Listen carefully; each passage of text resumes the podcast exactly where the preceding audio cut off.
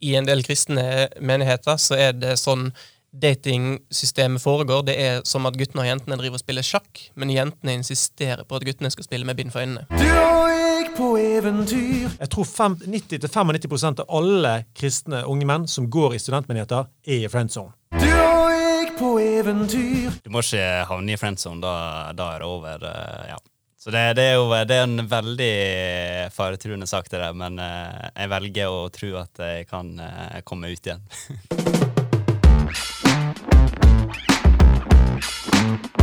Du hører Mannspodden. Jakten på mannsidentitet. Bli med Andreas Skjelde og Einar Helgaas på din vei mot autentisk maskulinitet.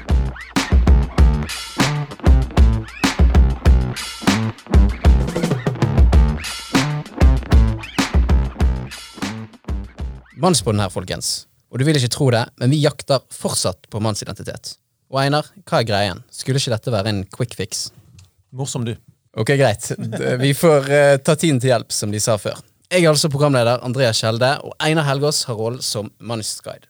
Vi har hatt introepisode om det ganske saftige temaet kristen dating. Og vi fortsetter med å avdekke mysteriet når det gjelder eventyret mann-kvinne. Eller er dette for vanskelig til å kalle et eventyr? Vår ekspert Hans Christian Kvåle kjenner dere allerede, men vi må bli kjent med tre nye gjester. Vi begynner med en ung mann som går i Salt Bergen-kirken. Vær så god, Simon. Yes, takk, eh, takk for det. Eh, veldig kjekt å være her. Ja, jeg heter jo Simon. Kommer fra Volda på Sunnmøre. Og eh, jeg he- er utdanna lærer. Og eh, nå tar jeg et år på bibelskolen eh, Substans. Oi, spennende. Du kan få med etternavnet òg, eventuelt. Ja, Simon Simones, da. Veldig kreativt navn. Eh, jeg er faktisk oppkalt av oldefedre, så, eh, så jeg tenker at eh, jeg heter Simon Andreas, da. Så det, så det er jo fint. Ja, men eh, Simon, kan ikke fortelle en fun fact eller noe spesielt eller sært med deg? Eh, jo, det kan jeg jo gjøre. Under eh, lockdown i mars eh, i fjor så eh, lagde jeg faktisk en koronasang. Eh, jeg kjeda meg såpass masse med masteren at jeg måtte finne på noe jeg gjør på. Eh, og eh, jeg posta den òg på Facebook, eh, så jeg cringer jo ganske ofte av at den ligger ute. da. Ja, så jeg brukte eh, sangen I Will Survive og eh, la på en eh, passende tekst. Det er herlig, altså. Og vi snakker jo om dating her, da, så kunne du presentert en datingerfaring? Eller ditt generelle inntrykk av kristen dating? Ja, um, altså, det jo, altså Jeg har ikke helt kontroll på, på mitt, mitt miljø, da, men i hvert fall mitt inntrykk er at eh, det er ganske lite. Og at eh, ja, at eh, det er kanskje litt, uh, litt tilbakeholdende eh, holdning. da. Så går folk rundt og smiler til hverandre, og så tør de ikke gå lenger enn det. Ja, det blir jo fort noen blikk, kanskje, og så, ja, så er det kanskje noen signaler du prøver å sende, men kanskje ikke det går igjennom. Dette her er selv i Salt. Salt Bergenskirken?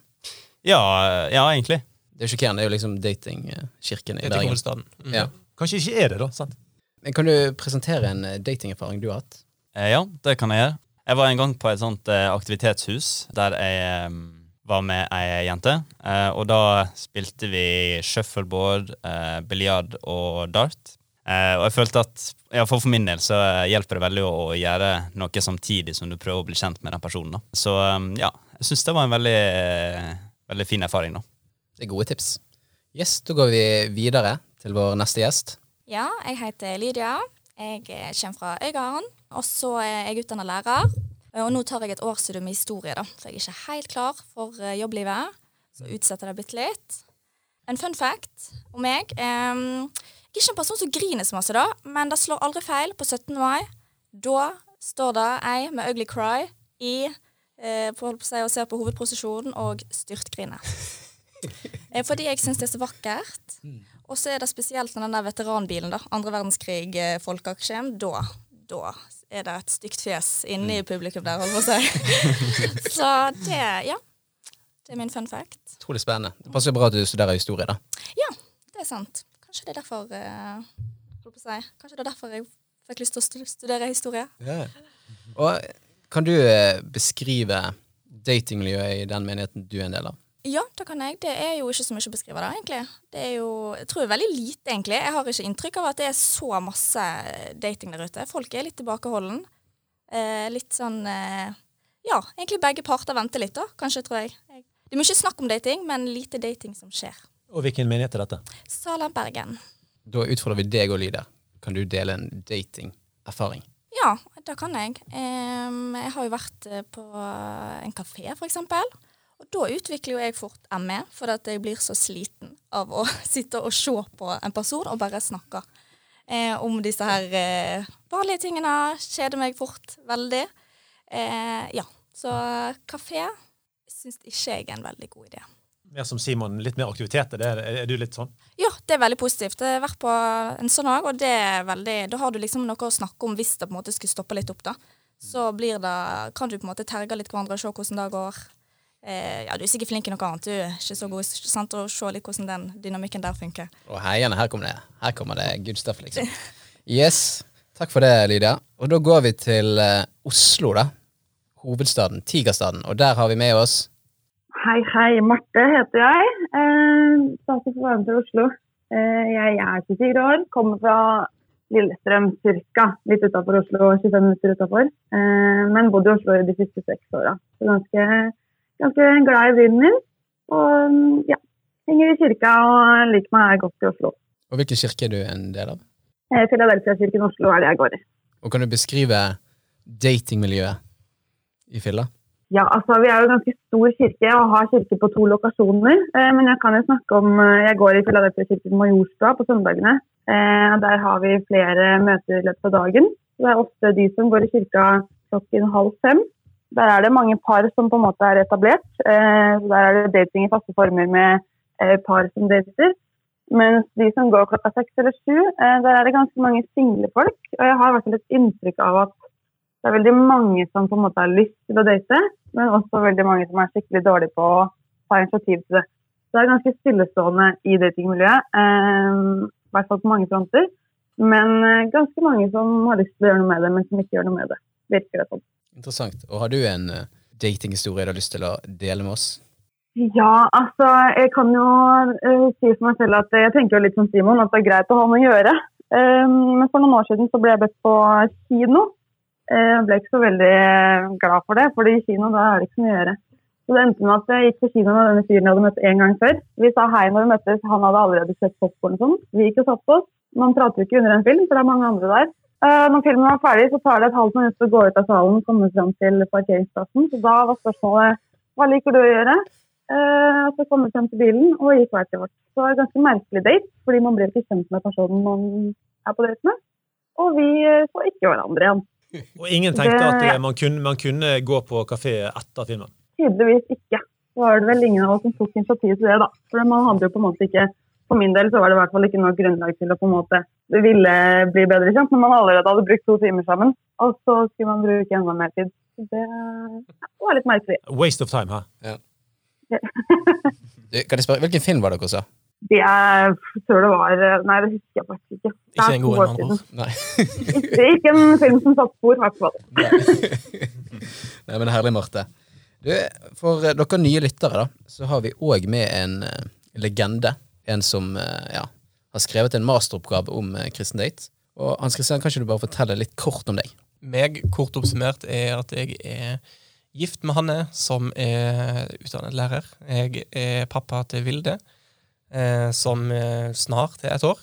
Og bor for tiden i Trondheim fordi Vestlandet slutta å levere på vintre. Så da var det bare å emigrere. Mhm. Nå har jo dere hatt en ganske god vinter i år, da. Det er jo fint. Ja. Herlig. Men for en gjeng vi har. Yes, nå blir det jo utrolig spennende med denne gjengen som er presentert her, å prøve å løse den gordiske knuten kristendating. Tenk hvis vi klarer det i dag, folkens. Og vi er som vanlig klare for en lekker blanding av seriøsitet og god stemning. Og i dag skal vi faktisk òg svare på innsendte spørsmål fra våre svært kompetente og nysgjerrige lyttere. Ja, og Det blir spennende. Men før vi kaster oss over materien, så fyrer vi igjen med vår faste spalte med fast navn. Men la oss gjøre det litt kort i dag, siden vi har en del på eh, tapeten. Stemmer det, og Denne faste spalten heter altså For noen underlige skruer. Eh, Og igjen, Andreas, du er jo veldig talentfull. Jeg syns du skal begynne. Ja, ok da. Greit. Eh, ja, for jeg liker å se opp til Hans Nilsen Hauge. da. Han inspirerer meg på mange plan. da.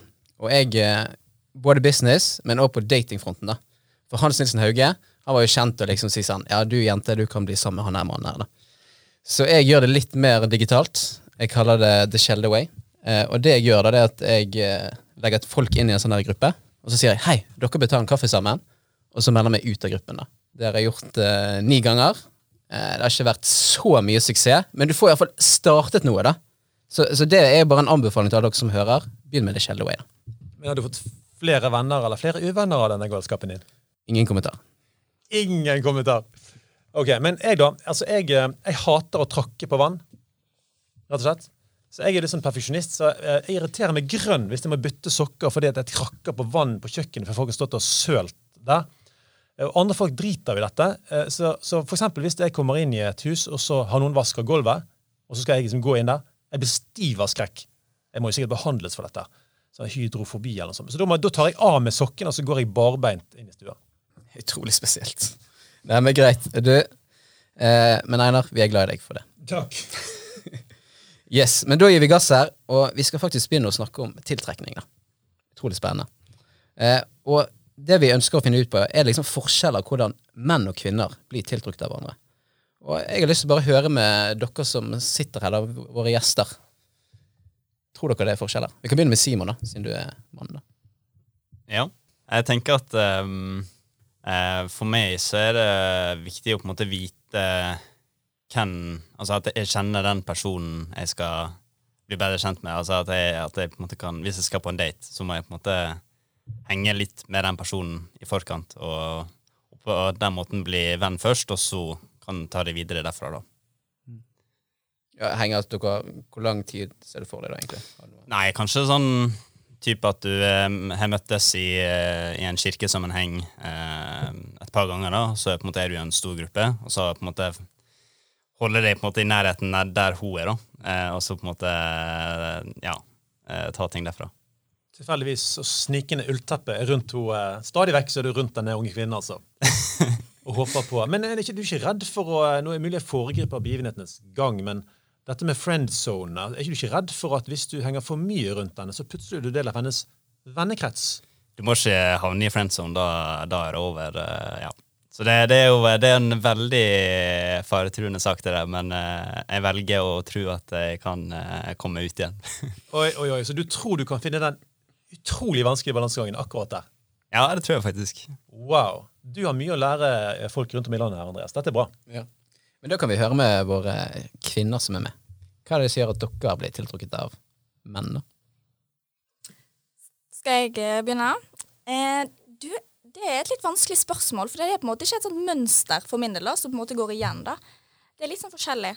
Eh, men eh, jeg blir jo litt over det jeg syns var litt fascinerende med denne masteren. da. Eh, de som er i min vennekrets, de er jo bare avskrevet. Ofte. Hvorfor det, egentlig? For de kjenner jeg, og de tør jeg på en måte Eller sånn, de vet jeg eh, hvor jeg har, og sånne ting, da. Eh, mens det er ofte de som på en måte ikke helt vet hvem jeg er, ofte har lagd et litt mer eh, sånn fint bilde inni hodet mitt om hvordan han er, da. De er ofte mer spennende, syns jeg, da, enn de jeg kjenner. Så liksom spenningen, da. At det må være noe der. Ja. Så ja. Og Oslo. Marte. Eh, ja, altså jeg måtte tenke over det når jeg fikk spørsmålet om liksom, hva man blir tiltrukket av. Fordi eh, noen ganger så kan det på en måte være sånn wow, han så bra ut. Men jeg tror det over tid at eh, for meg så er det viktigste med dette med eh, trygghet og interesse, og dette å føle at en person er interessert i meg på lik linje som jeg er interessert i å vite mer og om å høre historie til en person. Og det å føle seg sett, og det å føle at jeg var viktig inn i en situasjon, og at denne personen hjalp å gjøre meg viktig, eh, det kan nok være ganske tiltrekkende for min del i hvert fall. Fordi eh, det er veldig godt å kjenne på at eh, jeg også fikk plass et sted, da. Kult. altså, Men eh, dette med utseende, folkens. Dette er jo en, eh, en kristen podkast. Altså, er ikke utseende ofte inngangsporten i eh, denne magnetiske greien mann-kvinne? Simon? Eh, jo, altså Det blir jo feil å si at det ikke er noe å si, iallfall. Um, og eh, ja, men det, for min del så altså, Du må jo på en måte se eh, helheten. eh, altså personlighet og verdier og Ja. Så eh, Men det er nok det første inntrykket, da, kan du si. Jenter, hva tenker dere? Eh, Jeg tenker uh, utseende er absolutt en tiltrekningskraft eh, hvis du på en måte bare står og ser på noen. Eh, men for meg så er det ofte omvendt. At jo bedre kjent man blir med en person, både sånn som det er på film, at shit, han blir mye kjekkere jo mer jeg blir kjent med han, og jo snillere han blir, på en måte. Eh, og man kan, jeg kan ofte snakke med jentevennene min og han der, eh, han er jo egentlig ikke noe kjekk, men siden eh, han er såpass snill og trygg og tålmodig, så blir han kjekkere og kjekkere med løpet fordi eh, ja, Jeg vet ikke om kjekkheten kommer innenfra, eller hvor det kommer fra, på en måte, men eh, utseendet har ikke så mye å si og lengre tid man bruker sammen, på en måte. Og jeg stiller meg veldig bak det Marte sier her, da. At eh, det er jo på en måte et førsteinntrykk, men eh, det er absolutt eh, personligheten da, som eh, skinner gjennom ofte. Men, men, så du sier at dine mannlige venner har dårlig personlighet? da? Nei, jeg bare veit alt om de. Det er ikke noe spennende der, på en måte, føler jeg. Eller sånn, jeg veit jo ikke alt, men Ja. jeg føler jeg veit alt. Men det gøye med at du snakker på den måten, er jo at uh, gutter der ute som tror at jenter bare vil ha forutsigbarhet og trygghet. For det er ganske vanlig å snakke om det at ja, jenter de vil ha trygghet. Men du sitter her og snakker om at det må være spennende. Ja. Så gutter, det må gjøre ting som er spennende. da, så Gjør dere sjøl spennende. Eller blir det riktig å si det? Ja, det blir jo på en måte Men det tror jeg er veldig varierende fra jente til jente, da. Noen er jo veldig glad i det trygge og sånne ting.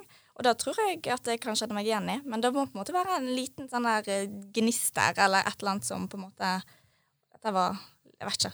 Du har vokst opp med det brusende havet, så det er kanskje Ja. et med det som gjør at det må være litt spennende. Litt action. action. Men du, jeg, jeg har lyst til å høre litt fra Hans Christian. Hva tenker du om disse tingene? Jeg skal si at det jeg eh, først falt for med min kone, var jo faktisk skoene hennes. Eh, for eh, vi møttes jo på eh, fjellet, og da hadde hun på seg eh, Forsvarets eh, militærstøvler. Og jeg spurte om hun hadde fortjent de, eller om hun hadde kjøpt de. Og, som var min icebreaker. Og hun sa at de har fortjent det. Jeg har vært inne et år som frivillig. Dette var jo i 2013, så det var før kvinnelig verneplikt. Og så tok hun et år på bibelskole. Og dette var jo i løpet av 20 sekunder så lærte jo jeg at her har du ei som tar først et år i Forsvaret, og så et år på bibelskole. Her er det mye karakter som ligger og bare blir marinert, så her er det bare å gønne på. Og det som er fascinerende her, som, som settes ord på, er jo nettopp det at du toucher så vidt innom det med friendzone og tiltrekking og sånne ting. Det er, Nå pekte jeg på det greiene til dere som ikke er i studio. Um, det som går på tiltrekking, er jo at man dette mystiske som Lydia setter ord på, er jo noe som veldig mange, altså begge kjønn, eh, kan finne tiltrekkende fordi det er spennende å bli kjent med folk. Det skal ikke vi legge skjul på. Og så skal vi heller ikke legge skjul på at utseendet har noe å si. Men det som er det aller mest fascinerende, er at i eh, Som jeg fant i min egen forskning, er jo det at både gutter og jenter er tydelige på at de ønsker forholdene sine bygd på vennskap. De ønsker å Altså, det har blitt veldig hipt blant pastorer si at jeg gifter meg med min beste venn og beste venninne, og det er litt sånn statusstempel å kunne si. Um, men det vi ser da, er jo at for en del jenter så, og kvinner så er det å bli sammen med venner noe som er helt uaktuelt. Enten fordi de er Det er ikke noe mer å lære om de, eh, tenker man. Eh, men det er noe som en, en stor amerikansk studie òg viste. At jo mer tid gutter og jenter bruker sammen, jo mer interessert blir guttene, og jo mindre interessert blir jentene i et forhold. da. Så friend zone er eh, det er en ekte greie. Det er noe som fins, og i ni av ti tilfeller så er det gutter som blir plassert i friend zone. Det er triste greier, altså. Ja, ja. Men eh, jeg tenker, jeg kan jo gi et lite sånn eh, tips da, til du som er i friendzone. For at, eh, jeg, går det greit? Får lov til det? Ok, Så det du sier da, hvis du er i friendzone, så sier du til denne parten da Du, jeg hadde en drøm i går. Og så spør personen Hæ, hva drøm? Jeg drømte om deg. Så ser du hva som skjer. Men greit. Eh, før vi hva, tenker du der, Hans Christian? Var det Kult tips. Ja. Jeg tenker eh, for all del lytterne våre må bare gønne på, og så kan dere sende inn erfaringer. Ja, send inn er.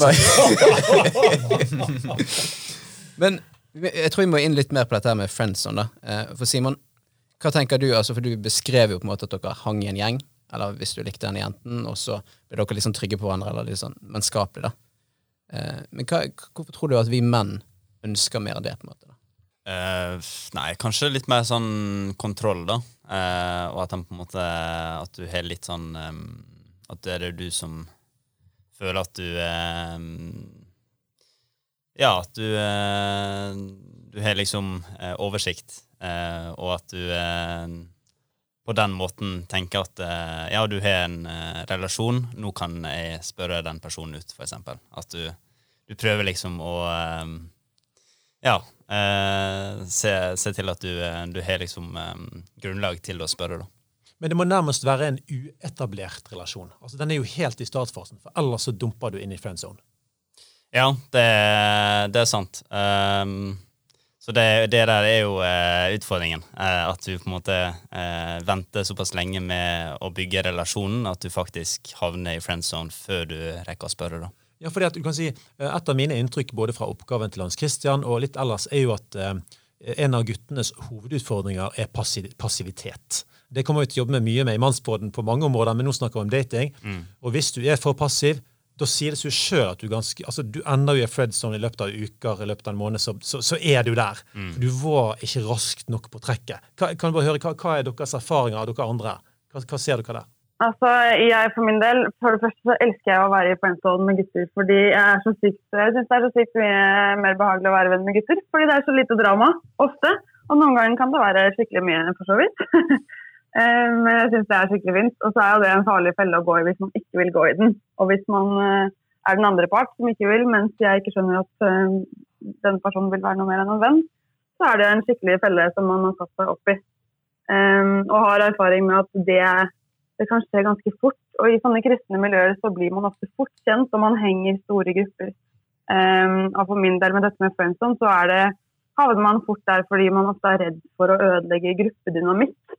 At hvis jeg ber ut han, og han sier nei, da må jeg trekke meg fra gruppa, fordi ellers blir det kleint. Eh, om vi begge fortsetter å være der og litt sånne ting. Eh, ofte så er det da mye lettere og sikkert feigere å snike seg inn i en friendzone fordi man vil eh, holde seg med den gruppa enn å faktisk eh, gønne på å prøve seg. Eh, og muligens få et nei og muligens få et ja.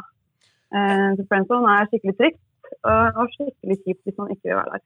Eh, Jeg har lest en, en dansk forfatter som, eh, som skriver at eh, kvinner er ofte relasjonsavhengige. Altså Det er en av kvinnenes utfordringer. En av mennenes utfordringer selvfølgelig er omvendt. Vi er vel, går ofte veldig solo.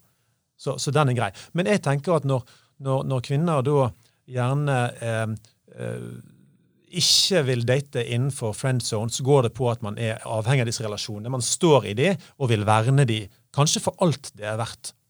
Men jeg vil jo tro at 90-95% altså Nå bare prøver jeg meg her, for hodet mitt går i høygir her nå, for jeg syns dette er veldig interessant. Jeg tror 90-95% av alle kristne unge menn som går i studentmenigheter, er i friend zone. Men når du besøker en annen menighet, så plutselig så kommer du på en hvit hest inn der, og er jo dødsaktuell for, for kvinner der. Så, så gutter, dere må besøke andre menigheter enn deres egen. Men, men hva tenker dere om dette? Er det jeg litt dristig her nå? Ja, det var eh, store eh, tall, for å si det sånn. Uh, ja. Uh, nei, men det, det er litt sånn uh, interessant, det der. Um, jeg føler på en måte at uh, Jeg har jo på en måte sendt noen meldinger der eh, som er litt sånn fra lyn, lyn fra klar himmel, da. Eh, og bare spurt eh, noen eh, jeg ikke hadde så veldig god eh, relasjon med fra før av. Og det, det gikk jo bra. Eh, jeg fikk jo eh, på en måte møtt henne og, sånt, men eh, jeg kjente at det koster ganske masse, da. Eh, når jeg på en måte ikke hadde eh, møtt eh, den personen så masse. Men betyr ikke det at du må være modig? Altså, Det du gjorde der, var modig gjort. Trenger ikke vi mer mot rundt omkring i landet på dette? For altså, livet er jo risikosport i seg sjøl. Og hvis man skal kontrollere eh, komponentene på forhånd, at sånn skal det gå, og sånn skal det gå, og det gjør vi, vi bruker ofte mye psykologisk tid på det, å kontrollere det som nå skal skje. Men det kan du jo ikke, for da forsvinner jo magien fra livet. Mm. Nei, jeg er helt enig. Uh, jeg tror det er, det er masse å vinne på å være frampå. Eh, den som intet våger, intet vinner. Så jeg tror, jeg tror vi er masse å lære der, vi, vi gutter. da. Ja, eh, det som du sa, Einar, om at, eh, at alle gutter i en menighet er friendzona, da, måtte jeg le litt av. det. Eh, fordi at eh, det kjenner jeg meg veldig igjen i. Og det er jo ikke ukjent at, at jeg går på besøk i andre menigheter bare for å liksom kikke litt. Eh, og det har jeg jo både sjøl gjort i både Salt og i Frikirken og sånne ting. Og bare litt sånn, og så sier for eksempel hun jeg bor med sånn Nå skal du kun gå og se på gutta. Og sier sånn Slutt, det er kjekt med litt annet input. Og så eh, Og så eh, ja, Og så er jo det kanskje òg litt for å liksom se litt og bare sånn og er det noen kjekke her som ikke jeg eh, Og når jeg mener kjekk, så mener jeg både personlighetsmessig og ja. Så um, ja, da, jeg kjente meg veldig igjen i det, som du sa. Og vi sitter jo ofte på jentekveld og snakker om f.eks. dating eller gutter eller sånn, da. Og da sitter jo vi liksom de i vår menighet, det er bare sånn Det er ingen her. Det er seriøst ingen. Alle er sjekka ut, på en måte. Eller sånn. Så ja. Da i Salam, her er det bare til å følge med og tenke seg litt om. Altså, vi er, vi er på, altså. Det må sies. Ja. Men her kunne jeg tenkt å spurt Marte. eh, Du sier jo at i Philadelphia dere har to lokasjoner, dere er en stor menighet med en stor gruppe. Har du inntrykk av at 90-95% av guttene i Filla er friendzona? Klarer man å holde oversikt over hele den gjengen som er der, eller er det en eh, gjeng med mystiske menn der òg? Altså, hvis man har vært der en stund, så vil jeg nok kanskje si at man klarer å ha ganske god oversikt. Um, og jeg vil jo si at uh, mange, en stor andel, kanskje kan ligge inn i den uh, svake friendzone, hvor man er sånn uh, at man ikke har behov for å be de ut fordi man vil være venner. Ehm, men jeg vil også si at det er nok ikke 95% men heller at en del av friendzona, og så er det en del som er på en måte holdt av til andre venninner. Og hvis vennegjengen begynner å snakke om en, og hun ene på en måte sier dips, så kan ikke jeg be han ut før lenge etterpå, før han er liksom eh, avkreftet av en venninne. Og det er på en måte eh, Når man er såpass mange både venninner og gutter i en kirke, så har på en måte hver venninne har jo en eller annen de har et litt godt øye til. Og da er på en måte den personen eh, utafor min range, da. Eh, fram til man har avklart med venninna at det går helt fint og det er lenge siden, eventuelt. De er ikke nødvendigvis friends nå, men de er fortsatt utenfor hvem jeg kan spørres på date, f.eks. Da. Da vil jeg særlig spørre, spørre gutter her, egentlig både Hans Christian og, og, og Simon. Altså, er det, er det, Syns dere jentene gjør det relasjonelle landskapet for komplisert? Vi gutter vi er ofte litt mer sånn rett på. sant? Vi driter i friends. og Samme det vel. Hvis vi er interessert, så er det bare til å kjøre på og prøve. ikke det? Altså, Hva tenker dere om jentene sin, sin, sin, sin intense relasjonelle bindingsverk? Eh, jo, jeg syns det er ganske uh, ulendt terreng, da. Eh, og det er ikke alltid like lett å, eh, å navigere seg gjennom det. Em, så jeg er litt der at eh, jeg legger ikke sånn altfor masse i det. Eh, måte, det er jo på en måte bare to personer som skal bli bedre kjent, og så se om det på en måte er noe kjemi der. Eh, og eh, altså det der er jo litt sånn fjernt for meg at, em, ja, at det er så masse snakk mellom jentene. Jeg pleier å bruke bildet at eh, i en del kristne menigheter så er det sånn datingsystemet foregår. Det er som at guttene og jentene driver og spiller sjakk, men jentene insisterer på at guttene skal spille med bind for øynene. Oi. Det kan være bevisst eller ubevisst, men det er jo litt det som settes ord på her. For det er klart gutter har jo også et Jeg syns det er utrolig fint at her i dag så var det jentene som var først ute med å si at vi har en vi snakker om gutter, og vi har en viss sånn, eh, noen regler og normer for hvem som kan date hvem og ikke. For det er klart, det har jo gutter òg. Det er ikke ukjent for gutter og, at man eh, At eh, Simon har ei jente som han eh, har et godt øye til, og så er kompisene litt sånn Ja, men det er greit, da holder vi oss litt på avstand. Men jeg, sånn jeg ser det for meg, så har guttene en mye mindre tidsperiode her enn jentene har. Eh, som du, Marte, også sa, sant? da er det kjempelenge til jeg kan date han, fordi da må det eh, være avklart med ho og sånn og sånn. og sånn. Men eh, min erfaring fra menigheten i Stavanger er jo det at passivitet fra gutter blir også sett på som en sånn OK, nå er, han var for treg, da er det lov å steppe it up. Mm. Men dette her minner meg på sant, det her med den passive parten òg, at eh, Sånn som Einar sa, at eh, menigheter der blir liksom alle gutter friendzonet. da. Så er det mange kirker som har prøvd seg på sånn speed-dating. da. Eh, og Hans Christian, du har gjort en del interessante funn i den oppgaven din. Kanskje du forteller litt om det? Mm. Et av funnene var jo nettopp det at eh, Eller dette er jo ikke mitt funn, dette er jo forskning som jeg har eh, referert til. Men eh, en ting vi må legge i bunn her, er jo at historisk sett så er jenter mye mer kresen enn gutter. Og de er mye mer nøye på hva de egentlig ser etter. Og det er mye viktigere at mannen skal passe inn under deres kriterier enn det er i motsatt eh, tilfelle. Sikkert 20 kriterier, sikkert. Ja, det rundt, det begynner der. Ja, det er vanlig å ha minst 20. Men eh, så ble det gjort en del forskning på veldig mye av forskningen man har gjort på eh, relasjonen mellom gutter og jenter, og hvordan man fungerer i en datingsituasjon, det blir gjort i speeddating fordi man det går mye fortere, og det er mye lettere å, å forske på det. Eh, noen ganske smarte og utrolig flinke ekteskapsforskere har da forska på speeddating. Og speeddating til de som ikke kjenner konseptet, er at det er en amerikansk oppfinnelse hvor single kvinner og menn kan møte ganske mange andre single kvinner og menn på relativt kort tid. Da har du ofte fem eller ti minutter hvor man snakker sammen, og så eh, går man videre, og så gir begge to enten en tommel opp eller en tommel ned til han eller hun som er ordstyrer, om de vil møte vedkommende igjen eller ikke. Og eh, da sitt, er det ofte sånn at damene sitter på et bord, og så beveger mennene seg rundt. Sant? Møtes vi, så snakker vi sammen, og så er det en som ringer en klokke, og så går mennene videre. Og um, all forskning som er gjort på speeddating, er gjort akkurat sånn. At damene sitter i ro, og mennene går rundt. Det var fordi de hadde så mye væsker, si at det var derfor de måtte sitte på ikke? Det er helt rett. Opprinnelig så var det, var det det. Det var mye enklere for menn å bevege seg, for de hadde mye mindre ting med seg. Det Eli Finkel, som er en fantastisk ekteskapsforsker, så, det var at i alle forskningstilfeller som er gjort på speeddating, så er det sånn at kvinnene sitter i ro, og mennene beveger seg rundt. Og det de òg ser her, er som vanlig at kvinnene er mye mer kritiske. De sier mye oftere nei til å møtes igjen. De opplever lavere eller dårligere kjemi og mindre tiltrekking. Så det Finkel og gjengen gjorde, var at de snudde om på det at mennene satt i ro, og damene bevegde seg rundt. Og eh, etter hver treff så skulle de notere da eh, ønsker jeg å treffe denne personen igjen, og så på en skala fra 1 til 5 hvor tiltrukket opplever meg, hvor god kjemi opplever jeg at vi har, og hvor eh, Altså sin egen grad av selvtillit, hvor trygg følte meg i den situasjonen. Og det de så, var at når damene var de som eh, farta rundt, og mennene satt i ro, så snudde ting seg helt. Mennene ble plutselig kjempekritiske og damene opplevde økt selvtillit, de opplevde mye bedre kjemi og svarte mye oftere at de hadde lyst til å treffe vedkommende igjen. Og det forskning.no eh, gjorde dette her til, og det de skrev i sin overskrift, var jo nettopp det at kvinner kan bli like ukritiske som menn når de er den som er den aktive part i et sjekkefremstøt. Så, så det du sier, er at menn bør bli mer kresne? Ja, det er helt rett. Menn bør tenke seg mer om.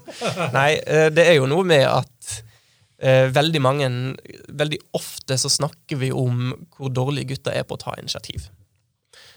Og nå skal ikke vi forgripe for mye videre i episodene her, men det er klart at en løsning på dette her vil jo være hvis jentene tar mer initiativ, inviterer ut, så vil de øke, oppleve økt selvtillit, de vil, vil oppleve økt kjemi bedre kjemi, og de vil òg bli mindre kritisk. Så for å på en måte oppsummere litt, da, en av de tingene som gjør dating veldig vanskelig, er det at jenter som i utgangspunktet er kresen, eller mer kresen enn gutter, kan vi heller si, de blir òg dobbelt så kresen ved at de sitter og venter på en hel haug med gutter som skal invitere de ut.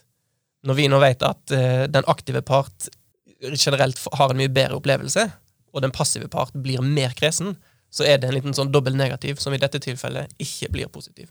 Men jeg har bare liksom en sånn follow-up på det, da, for jeg har jo noen kompiser som liksom har fått en jente som spurte ut på date. da. Eh, og det, det, blir liksom god stemning og det verste, men etter hvert da, så kommer de kanskje til det samme stadiet som mange jenter er på. da, Så sier de sånn Men det var hun som valgte meg, hvis du skjønner det. Eh, og da liksom mister de den tiltrekningen, og det de indirekte tenker da, det er at jeg kan jo egentlig få bedre. Mm. Og det Og der er vi. Ja, altså jeg har òg hørt dette helt konkret fra menn som sier at uh, det de vil gjøre i jakten. liksom. Marit Larsen har en plate som heter The Chase. Mm. Og det handler om at it was all about the chase. Det er jo selvfølgelig problemet når en mann uh, chaser down en kvinne, og så har han fått henne, og så blir det ikke interessant lenger. Det er jo en, he en helt egen sak. Men, men det kan hende det ligger noe hos mannen her, at man i utgangspunktet kjenner at man har lyst til å være den aktive. Samtidig så ser jo du i, i din forskning at uh, Eh, det var ingen gutter som sa at det ikke var greit at jenter var på inch. Mm. Og jeg jo, Når jeg har hatt undervisning om disse temaene og hatt seminar, så har jeg jo alltid oppfordra jenter til å ta mer initiativ. Og til nå så har jeg fått tilbakemelding fra én jente som har sagt at jeg tok det på ordet, inviterte ut eh, Hun har invitert ut to eller tre stykker og hatt ganske god erfaring med det, men hun er fortsatt singel. Ja, jeg, dette her er jo en av mine litt sånn kampsaker. da. Det er jo at jenter må tørre å ta litt mer initiativ. da. Men jeg har jo hørt fra noen at det er maskulint å be ut noen. Um, og da har jeg faktisk tenkt en del på det. Uh, og jeg sier meg uenig i det, for jeg vil heller si at det er et um, tegn av liksom at du har sjøltillit. da. Og ofte sjøltillit er jo på en måte kanskje knytta til det maskuline. Uh, så jeg vil heller liksom, For maskulint kan høres litt sånn negativt ut hvis det blir liksom retta mot ei jente. da. Så jeg vil heller det oser sjøltillit. da. Eh, og jeg har òg spurt ut gutter og eh, har hatt gode erfaringer med det. Så- men jeg har òg hørt at det her som dere sier, at gutter vil ha denne jakten. da. Em, og så er jeg litt sånn, ja, men Da tror jeg dere gutter misforstår bitte litt. da. Fordi at eh, Ei jente spør ikke ut fordi at hun er så sinnssykt forelska i deg. Hun spør deg ut fordi at hun vet ikke nok om deg. Hun syns du er litt interessant. Eh, og det er ikke sånn at hvis du sier ja, så da har hun vunnet deg. Jakten må kanskje fortsette, for kanskje hun etter en gang fant ut at nei, dette var faktisk ikke så interessant allikevel. Han, opp, han liksom Nei, det var ikke interessant. Så det kan være at han faktisk må jakte, da. Eh, selv om ikke han var den som tok det første innsjet. Og det er veldig vanskelig eh, Hva skal jeg si Det er ikke vits i, tenker jeg, da. Eh, jeg tror det er veldig mange jenter i menigheter da, som liksom OK, nå er det lørdag i Salem, da. Eh, nå, ok, Jeg krøller håret, jeg sparer den beste outfiten til lørdagen og håper den gutten ser meg. Eh, og så tenker jeg han ser deg ikke. Men, men kan jeg bare utfordre før jeg slipper å si meg? Jeg tror det var vi som hadde denne diskusjonen her, da. Men uh, i hovedsak, da, fordi at uh, fra Bibelen så har vi Ruth som la fram teppet sitt for Boas, da. Kan det være at hvis en jente skal ta initiativ, at hun må ta initiativ på en annen måte, og ikke den direkte samme måten som gutter eller menn? Ja, hvordan tenker du at Det det, er Bål i skogen du snakker om nå, eller hva er det? hvordan tenker du det er en passende måte for ei jente å ta initiativ? Simon? Um, altså For min del så um, Av og til så kan jo du Det er jo litt sånn tolkning av signal, da. Um, for av og til så kan du på en måte få en sånn viss formening om at uh, den ei jente er interessert i deg, med å sende litt sånne signaler. Um, gjerne òg litt sånn for eksempel uh, Altså Vi har ikke snakket så mye om det, men sånn Instagram, for eksempel. Da kan jo du på en måte være litt mer på uh, for eksempel å reagere på stories og, og for eksempel på en måte på den måten vise at eh, ok, her kan det hende at hun har lyst til å bli bedre kjent. Mm. Men jeg veldig, henger meg litt på den at jeg eh, personlig har ikke hatt noe imot om å måte bli spurt ut på en måte av en jente. det litt kjipe svaret, da, hvis vi skal gjøre dating til en litt sånn eh, Det er fortsatt gøy, men eh, ofte så er òg et fasitsvar et ganske kjipt svar. En eh, tilnærming til dette her som jeg har eh, vært med på, eh, og som jeg kjenner folk som òg har vært med på, er at jenter har gått bort til gutter de er interessert i, og så har de sagt på sin måte Hvis du inviterer meg ut på en kaffe, eller noe lignende, så kommer jeg til å si ja. Nå er ballen hos deg. Og så har jeg òg vært med på jenter som har sagt Jeg syns vi skal gå ut og møtes og finne på et eller annet. Kan ikke du et, finne på et eller annet du syns er gøy, og så inviterer du? Siste eksempelet er eh, at jenter rett og slett har invitert ut på første date, og så har de òg sagt neste eh, treff eller neste ting er ditt ansvar å finne på. Og da er på en måte isen er brutt, og du kan, hvis vi skal snakke om jakten, så kan du på en måte Det er en del jenter da som har lagt opp til at gutten fortsatt skal få jakte da med verdigheten i behold. At hun tok initiativ til første, det første treffet, og så la hun opp til han til å smashe. Ja, og det er akkurat det jeg mener, da. Du understreker mitt poeng. Så bra. Marte, har du noen tanker fra liberale Oslo, som vi kaller det her i Bergen? Ja, altså jeg tenker jo på sånn eh, som dere snakker om at eh, man kan legge opp til hint her og der, men det er det første og det man hører oftest av gutter, at jeg skjønner ikke når du har lagt opp til hint, jeg skjønner meg ikke på jenter, de bare hinter og hinter, men vi guttene må ha det inn med spiseskje eller teskje. Um, og vi jenter skjønner ikke, vi heller, fordi vi gutter er vanskelig å forstå. Eh, og mange gutter gjør det på sin egen måte, og det å hinte med at vi kan like ting på storyen din, det er ikke klart nok. Fordi det gjør alle. Eh, og man føler seg ikke spesiell hvis én gutt gjør det. Hvis man ikke selv har et godt øye til den gutten. Hvis det er en gutt jeg har lyst til å gå på date med, så kan jeg eh, gjøre om alt til et hint. Men hvis det er en jeg ikke fra før av har et godt øye til, så skjønner jeg ikke at noen ting er et hint. Fordi jeg har ikke lagt opp til det i hodet mitt selv, på en måte. Eh, og jeg skjønner ikke problemet med dette med klarhet. Hvorfor kan man ikke bare spørre? Vil du gå på date med meg? Og hvorfor kan ikke jeg bare spørre? Eh, og sist, hvorfor kan ikke regelen alltid være å si ja første gang? Fordi når man har manna seg opp, og jeg syns det er dritskummelt å spørre noen, og når man da får et nei, det er tidenes nederlag. Og da er det lenge til man spør noen igjen. Mm. Ja, jeg, eh, jeg henger med på den, eh, Marte, og at kanskje det er andre daten der man faktisk får et virkelig inntrykk av eh, hvordan den personen her er. At det, det skader ikke å si ja en gang. Det, den tiden har man eh, til rådighet. da. Eh, og at um, det med at begge partene på en måte kan ta eh, litt inch, da.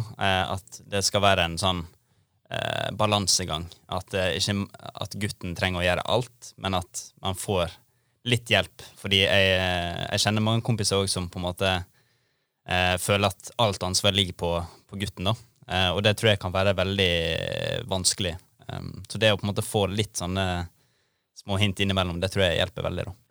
Ja, jeg tenker at er det ikke, For min del så er det i hvert fall tidenes kompliment å på en måte bli spurt ut. fordi i det å spørre noen ligger det eh, ikke så mye, men det kan ligge under at jeg er interessert i å høre din historie, jeg er interessert i å høre om deg. Eh, og er ikke det da tidenes kompliment for gutter og at jenter spør?